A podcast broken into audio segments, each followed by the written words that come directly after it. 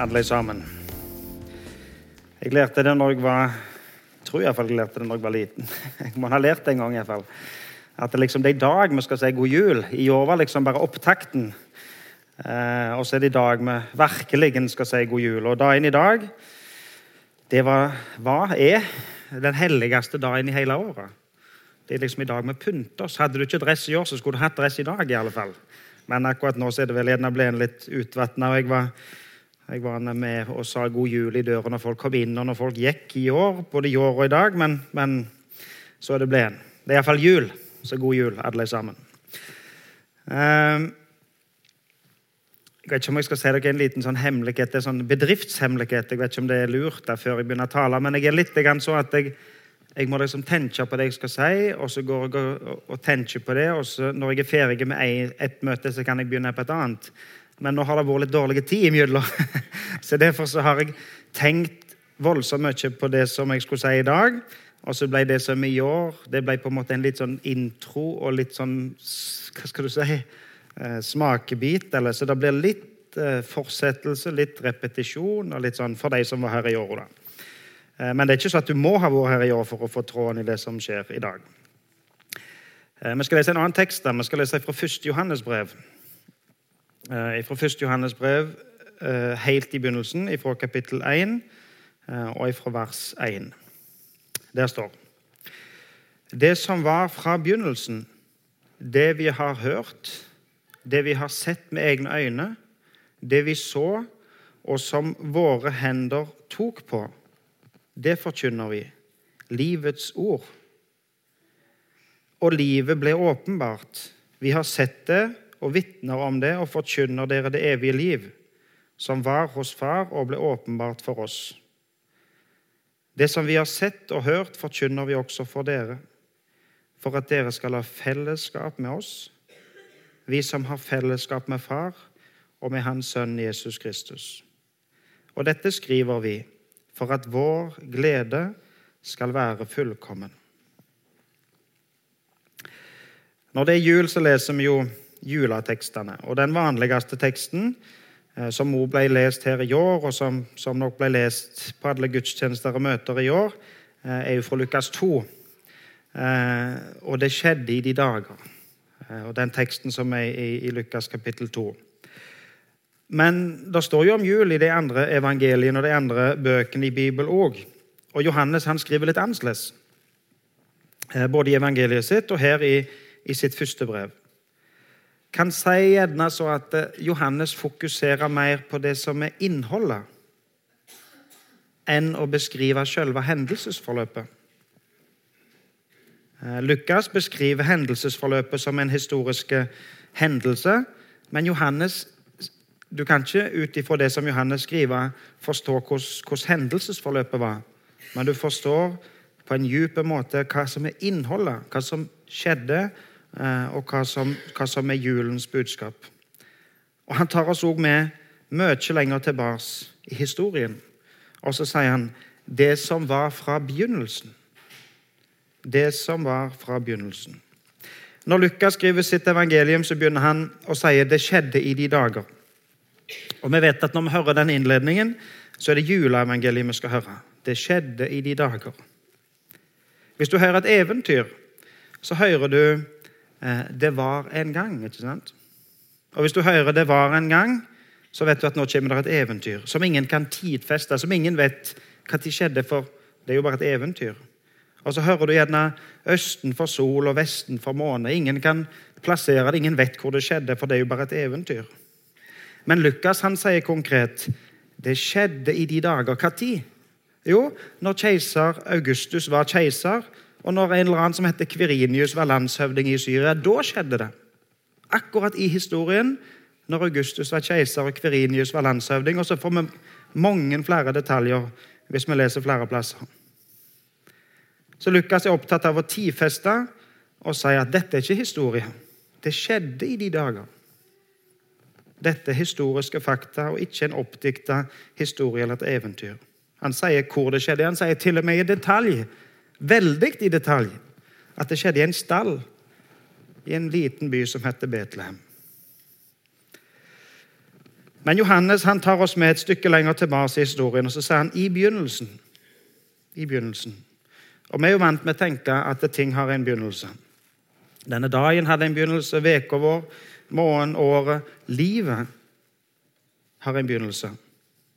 Og så kjenner vi historien et stykke tilbake i tid. Foreldre, besteforeldre, oldeforeldre, gjerne litt til, for de av oss som er flinke på slekt. Og Hvis du leser historiebøker, så er det klart du kan finne en del historiske fakta som går ganske langt tilbake i tid. Og det er ingen tvil om i historiefaget om at det skjedde noe i Israel for omtrent 2019 år siden. Ikke så voldsomt lett å dato og tidfeste det akkurat, men ca. for 2019 år siden. Da begynte vår tidsrekning. Da sier vi at vi var i år null av en eller annen grunn. Det er faktisk så stor begivenhet at da begynte alt på null. Da begynte vår tidsrekning. Og det er godt dokumenterte historiske fakta. Og det fins veldig mye kildemateriale som bekrefter at dette skjedde i historien. Men så er det klart historiefaget går lenger tilbake i tid. Det går tilbake til før år null. Og Historien gir oss fakta, men hvor er begynnelsen? Når begynte ting? Hvem kan fortelle oss om begynnelsen? Det er mange teorier, men i beste fall så er de bare teorier. For det var ingen vitner. Det var ingen som så. Det var ingen som sjøl kan fortelle hva som skjedde i begynnelsen. Vi må rett og slett innrømme at vi er for begrensa. Vi kan ikke finne ut hva som skjedde i begynnelsen, for ingen av oss var der. Mennesker kan få, kan få til fantastiske ting. Kan til og med reise til månen og til Mars. Men på noen områder er vi for begrensa. Til og med supersmarte folk som har lansert sine teorier, er blitt avleggs. Det er kun ett budskap som har stått seg gjennom hundrevis og tusenvis av år, og det er Bibelens budskap. Ingen smarte mennesker i denne jord, på denne jord som har klart å utkonkurrere det budskapet som har stått seg ifra begynnelsen. Som kan fortelle oss om begynnelsen. For at Gud er begynnelsen. Mennesker blir stadig flinkere og flinkere. Og Vi finner opp nye ting, og det er mye avansert forskning. Det er kjempesmarte folk i denne verden. Men til dags dato er det ingen mennesker som har klart å skape liv. Ingen som klarer å skape liv ut av ingenting. Mitt tips er egentlig det at det klarer de heller aldri. Klarer å lage voldsomt gode kopier, men ingenting kommer i nærheten av originalen egentlig. Det skapes roboter som ligner på mennesker, men, men, det er ikke liv. Jeg så, jeg så et program på, på, NRK, det var et underlig program der de viste ifra, ifra Holland og ifra Japan og en amerikaner eh, som snakket om roboter, som snakket om kunstig intelligens. Eh, og Det er utrolig hva folk klarer å få til. Smarte folk, intelligente folk, som får til å skape roboter som oppfører seg nesten som om de var mennesker. Og I innledningen til programmet eh, og i teksten til programmet på NRK så står det om den amerikanske filosofen Daniel Dennett. Og Det står om han Daniel Dennett. Han er spesialist på kunstig intelligens. Og ifølge Dennett er vi selv roboter. Hør hva han sier. Han sier vi er roboter, laget av roboter, laget av roboter, laget av roboter. Hvis man ser på en celle, er den cellen en slags autonom robot i seg selv. Og ser man inn i cellen, finner man enda flere roboter som beveger seg rundt. Dette er en av verdens smarteste folk, vil jeg tro. Og så sier han et spørsmål på slutten. Men hvordan de blir styrt? Det er spørsmålet jeg lurer mest på. Altså, Han klarer å bryte opp skapningen, mennesker, ned til celler og ned til små si, ting som beveger seg inni, inni cellene. Og Så sier han at dette er en slags autonom robot. Og Så klarer han å finne mange deler, små deler som på en måte jobber sammen, som i en robot, sikkert. Nå er ikke jeg ekspert på roboter. Men så sier han men hvordan de blir styrt, det er det jeg lurer mest på. Vet du, til og med det smarteste mennesket i denne verden er for begrensa. Kan vi skape noe som er smartere enn oss sjøl? Kan skapningen bli større enn skaperen? Hva vet i tilfelle denne roboten om seg sjøl? Det er klart at en, en som er skapt, vet, eller produsert, en robot som er produsert, han vet kun det som er programmert inn i roboten. Det ble nylig lansert en robot som heter Sofia. Jeg vet ikke om dere så det, Som ble produsert i Hongkong og som ble intervjua på fjernsyn. og var ganske stort, liksom. Nå sitter det en robot her og svarer på spørsmål fra en som intervjuer. Men tenk deg at du spør den roboten hvem er du Så kan i beste fall den roboten si jeg er en robot lagd av et selskap i Hongkong. Hvis i tilfelle de programmerte henne til å svare det på det spørsmålet. Roboten blir aldri mer enn en robot. Jeg skal ikke snakke om roboter, altså, det er ikke det denne talen skal handle om. Men poenget mitt er at vi er skapt av Gud. Vi er vesensforskjellige fra en robot. Men Gud har lagt ned noe av seg sjøl i oss. Og Derfor har mennesket en lengsel imot Gud. Er det noe mer? Fins det noe mer? Hvem har skapt? Når var begynnelsen? Og så svarer Johannes det som var i begynnelsen, det har vi sett. Det har vi sett. Det har vi hørt. Og våre hender tok på det. Og Han sier det om igjen og om igjen. Det vi har sett, det vi har hørt, det vi så, det vi var vitner til. Det som hendene våre tok på. Og Når han skriver i evangeliet sitt, så sier han i begynnelsen var Ordet. Og Ordet var hos Gud, og Ordet var Gud. Og så skriver han om dette ordet om igjen og om igjen, sånn at vi finner ut at ordet, Guds ord, det er faktisk Jesus. Og så sier Johannes i vers 14 at dette ordet, han, Jesus, ble menneske og tok bolig iblant oss. Kom til oss. Han som var fra begynnelsen, som er begynnelsen, som er Gud, han kom til oss og tok bolig iblant oss. Johannes han formulerer seg egentlig på en genial måte. For Måten han skriver om ordet på, gir assosiasjoner både til jøder og til grekere.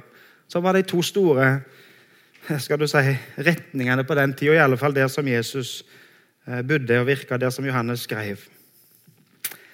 Johannes hører med en gang at Johannes Nei, sorry. Jøder hører med en gang at Johannes låner ordene fra skapelsesfortellingen i første Mosebok. I skapelsesfortellingen står det i begynnelsen skapte Gud himmel og jord. Og Skapelsesberetningen legger stor vekt på at det var gjennom Guds ord at Gud skapte. Det var ordet som ble brukt når Gud skapte. Gud sa 'bli lys', og det ble lys. Gud sa, Gud sa, og han skapte. Guds ord skapte.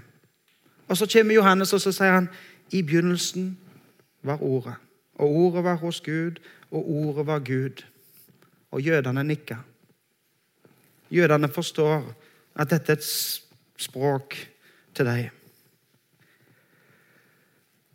Men det ordet som Johannes bruker for ordet på gresk, eh, det var et hovedbegrep i gresk tenkning. Ordet på gresk heter egentlig 'logos'.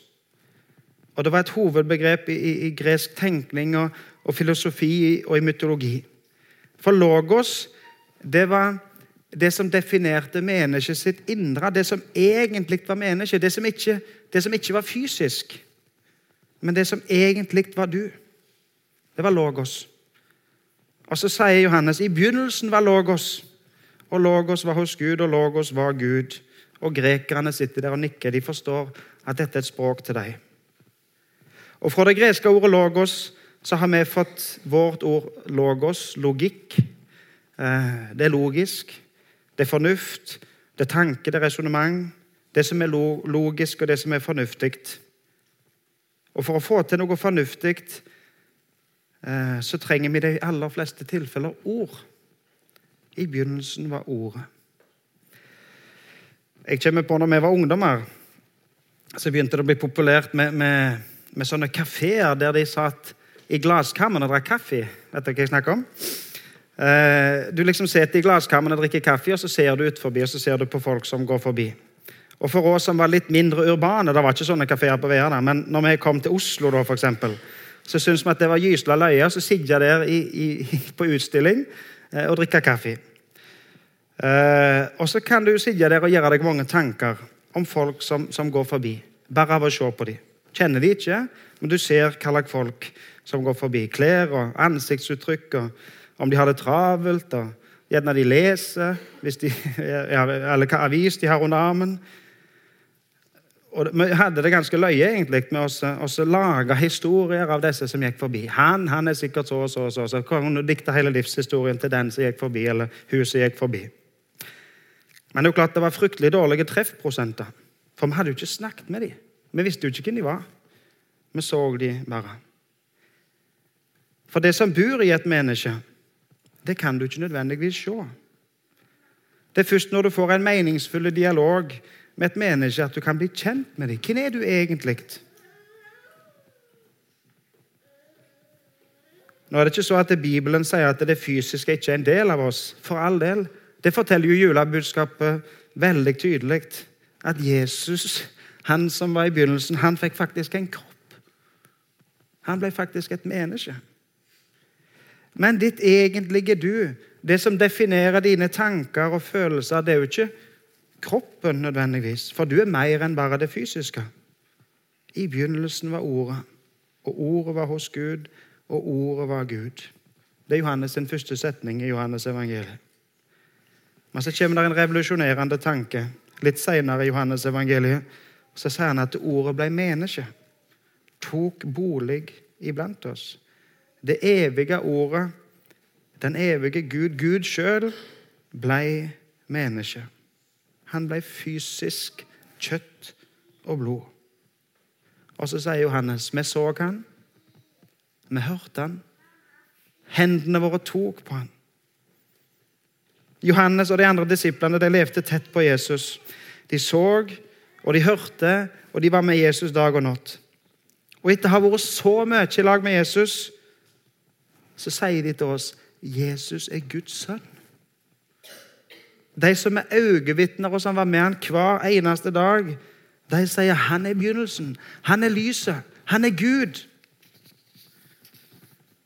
Tenk at de som levde så tett på Jesus, kan vitne og si at han er frelseren. Alt han sier, er sant. Han er Gud. Hvis jeg skulle funnet på og lure dere til å tro noe som ikke er sant om meg sjøl. Hvis jeg skulle dikte opp noe som liksom var helt utrolig, eh, hvis jeg hadde påstått noe som ikke var sant, sånn som Jesus gjorde, f.eks., når han sa at 'jeg er Guds sønn'. Hvis jeg skulle dikte opp noe som ikke var sant om meg sjøl, som var for godt til å være sant, for å si det sånn, så er det jo klart, da kan du bare gå til mine nærmeste. da. Du kan gå til de som jeg bor i lag med. De som jeg lever i lag med hver dag. Og så kan du spørre dem. Så finner du fort ut at det ikke stemmer. Men øyevitnene, de som levde i lag med Jesus hver dag, de forteller til oss at dette med Jesus, det stemmer, det er sant. Tenk på Maria, for eksempel. Hun visste jo selvsagt at hun ikke hadde vært sammen med noen mann. Men så var hun gravid. Så er det et liv som vokser inn i henne. Og så fødte hun Guds sønn. Født av jomfru Maria. Unnfanga ved Den hellige ånd. Hun så han. Hun stelte han. Hun rørte ved han. Hun oppdrog han. Hun hørte han. Hun levde med han hver dag. Og så vitner Maria til oss og så sier hun dette er sant. Gud er blitt menneske. Johannes vitner til oss, og så sier han han er Gud. Han er begynnelsen. Han er livet. Han er det evige livet. Og han forteller at Jesus kan gi oss fellesskap med Gud. Og så sier han i vers 4 For at vår glede skal være fullkommen. For at vår glede skal være fullkommen. Bibelen sier mye om glede. Bibelen snakker om ei sann, ekte, djup glede. Ei glede som ikke forsvinner i en storm. Ei glede som ikke blir mindre på dårlige dager, men fullkommen glede. Hva gjør du med dette budskapet om at Gud ble menneske? At Gud tok bolig blant oss? Om at Jesus er frelseren din for at du skal få fullkommen glede? Hva gjør du med det budskapet? Eller rettere spurt hva gjør dette budskapet med deg? Den kjente britiske teologen som heter John Stott, han sier det at i historien så, så, så reagerer mennesker som møter Jesus, på tre forskjellige måter. Mennesker som møter Jesus, reagerer på tre forskjellige måter. Enten så flykter de, eller så tar de livet av han, eller så tar de imot han, tror på han. Enten så flykter de, eller tar livet av han, eller tar imot han. Noen flykter fra Jesus. Vil ikke ha noe med han å gjøre. Legger vind på å leve livene sine vekke fra Jesus. Og Budskapet om Jesus blir aldri mer en religion som andre folk tror på. Men så har jeg tenkt hva da med jul? Tenk på når vi feirer jul, hvor stort jul er i Norge og i Vesten og for så vidt i hele verden. Det er ingen som klarer å gå klar julefeiringen, på en måte. Hva man tro folk som flykter vekk fra Jesus, tenker når det er jul? Eller når det er påske, f.eks. Kan jo vekk forklare at dette er historie og kultur og tradisjon. Men hvorfor har dette budskapet stått seg gjennom tusenvis av år? Noen tar livet av Gud. Fredrik Nietzsche sa at Gud er død. Mennesket var blitt så opplyst nå at de visste bedre. Gud er død. Og russerne sendte ut romskip i verdensrommet. Russland, som, som, som var og sikkert er en ateistisk nasjon, sa at nå har de vært der oppe, og de så ingen Gud. Gud må være død, han fins ikke. Og Så brukes det mye spalteplass og gis ut mange bøker for å bevise at Gud er død. Og så jobber de mot Gud. De vil ta livet av Jesus. Det var jo akkurat det som skjedde i Israel når Jesus levde. De tok livet av Jesus. Det er i et paradoks at når de tok livet av Jesus, så gav han livet til alle som tar imot han. I slutten av vers 1, som vi leste fra 1. Johannes 1, 1, så står det Det vi så, og som hendene våre tok på, det forkynner vi. Livets ord. Og i vers 2 Og livet ble åpenbart, og vi har sett det og vitner om det, forkynner dere det evige liv, som var hos Far og ble åpenbart for oss. Livets ord. Livet ble åpenbart, og vi forkynner dere det evige liv. Jesus kom til jord for å gi sitt liv. Det var målet for livet han ser på jord. Han døde for å ta den straffen du skulle hatt. Men døden fikk ikke siste ord. Jesus seier over døden, og den som tror på Han, skal leve med Han i evighet. Den siste gruppa mennesker er de som tar imot Jesus, de som tror på Han. Som blir overbevist av Den hellige ånd om at dette er sant. Om at Jesus er Guds sønn, som kom for å sone våre synder. De som aksepterer det, at, at det, må være noe som er større enn meg sjøl. Det må være noe som, som har vært i begynnelsen. For dette livet er ikke tilfeldig. De som tror på Han og tar imot Han. Jeg har lyst til at vi skal lese vers 3 i 1. Johannes 1, 3. Der står det som vi har sett og hørt, forkynner vi også for dere, for at dere skal ha fellesskap med oss, vi som har fellesskap med Far og med Hans Sønn Jesus Kristus. Her sier Johannes at vi kan ha fellesskap, tre fellesskap. Fellesskap med oss, fellesskap med Far og fellesskap med Hans Sønn Jesus Kristus. Altså, Johannes skriver et brev han sitter én plass, og så skriver han et brev og sender det en annen plass. Til noen som er på en annen plass enn der Johannes var. Og så skriver han om fellesskap. Og så sier han, dere som sitter nå og leser dette brevet Dere skal ha fellesskap med oss. Fellesskap med oss. Jeg er utrolig glad for å få lov å bo på Vea. På Vea er det utrolig kjekke folk. Har en god skole, har et flott idrettslag. Nå er ikke været til skøyter, da, så det er ikke derfor vi bor her, men vi kan jo til og med spille fotball innendørs. Og så føler jeg meg utrolig velsignet som har denne jobben. Og det som jeg gleder meg aller mest over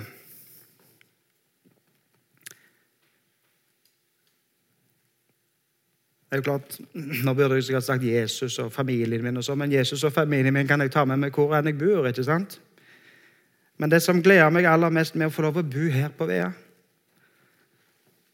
det er det fellesskapet jeg får lov å ha med dere her på bedehuset. For at vi, dere skal ha fellesskap med oss, skriver Johannes. For at vi skal ha fellesskap med hverandre. Derfor kom Jesus. Derfor gav Jesus oss livet. Derfor gav Jesus oss evig liv. For at vi skulle kunne ha fellesskap med hverandre. Og så er det noe underlig. Johannes satt én plass og skrev brev og sendte til en annen plass. For det er noe som er litt merkelig. Jeg står her på Vea i dag, og så kjenner jeg på et fellesskap med noen som bor tusenvis av kilometer vekke fra meg.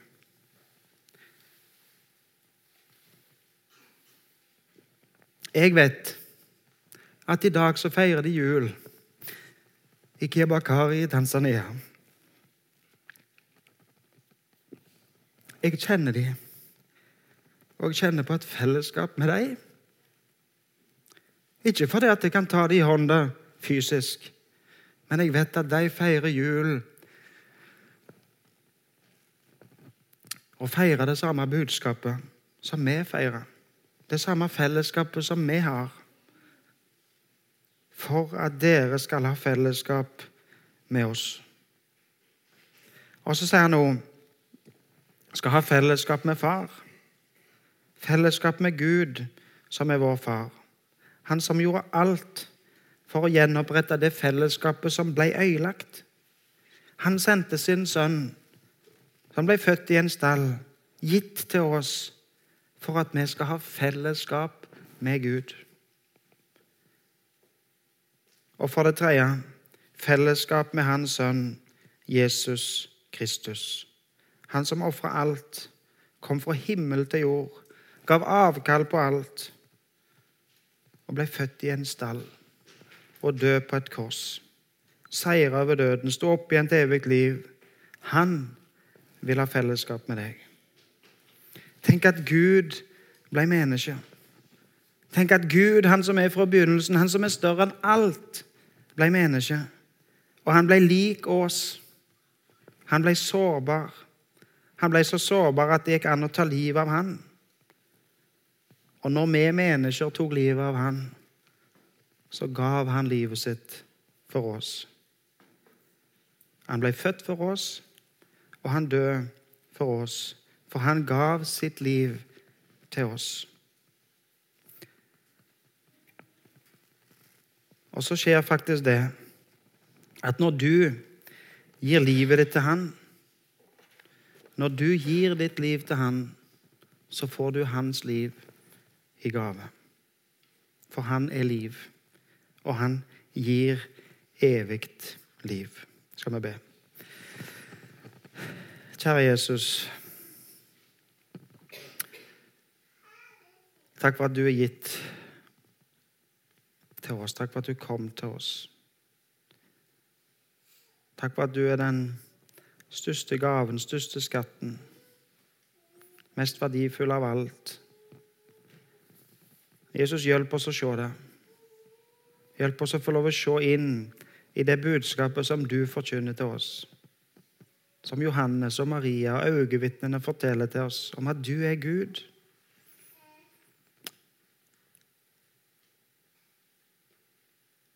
Jesus har vi lyst til å legge våre liv i dine hender. Må du ta imot oss, så at vi får del i ditt liv, i det evige livet. Takk for at vi får lov å feire jul. Takk for at vi får lov å kjenne på fellesskap med hverandre. Takk for at du har bundet sammen, knyttet sammen til et fellesskap som er sterkere og større enn vi kan fatte.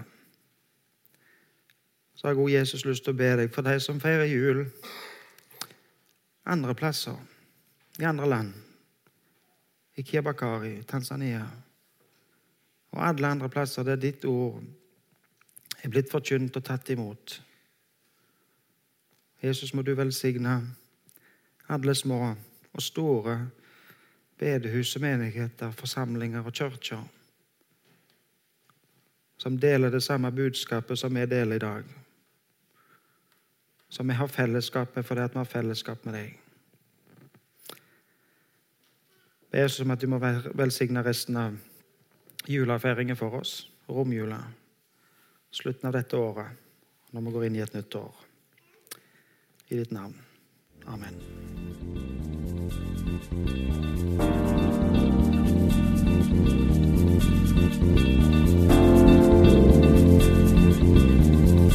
Thank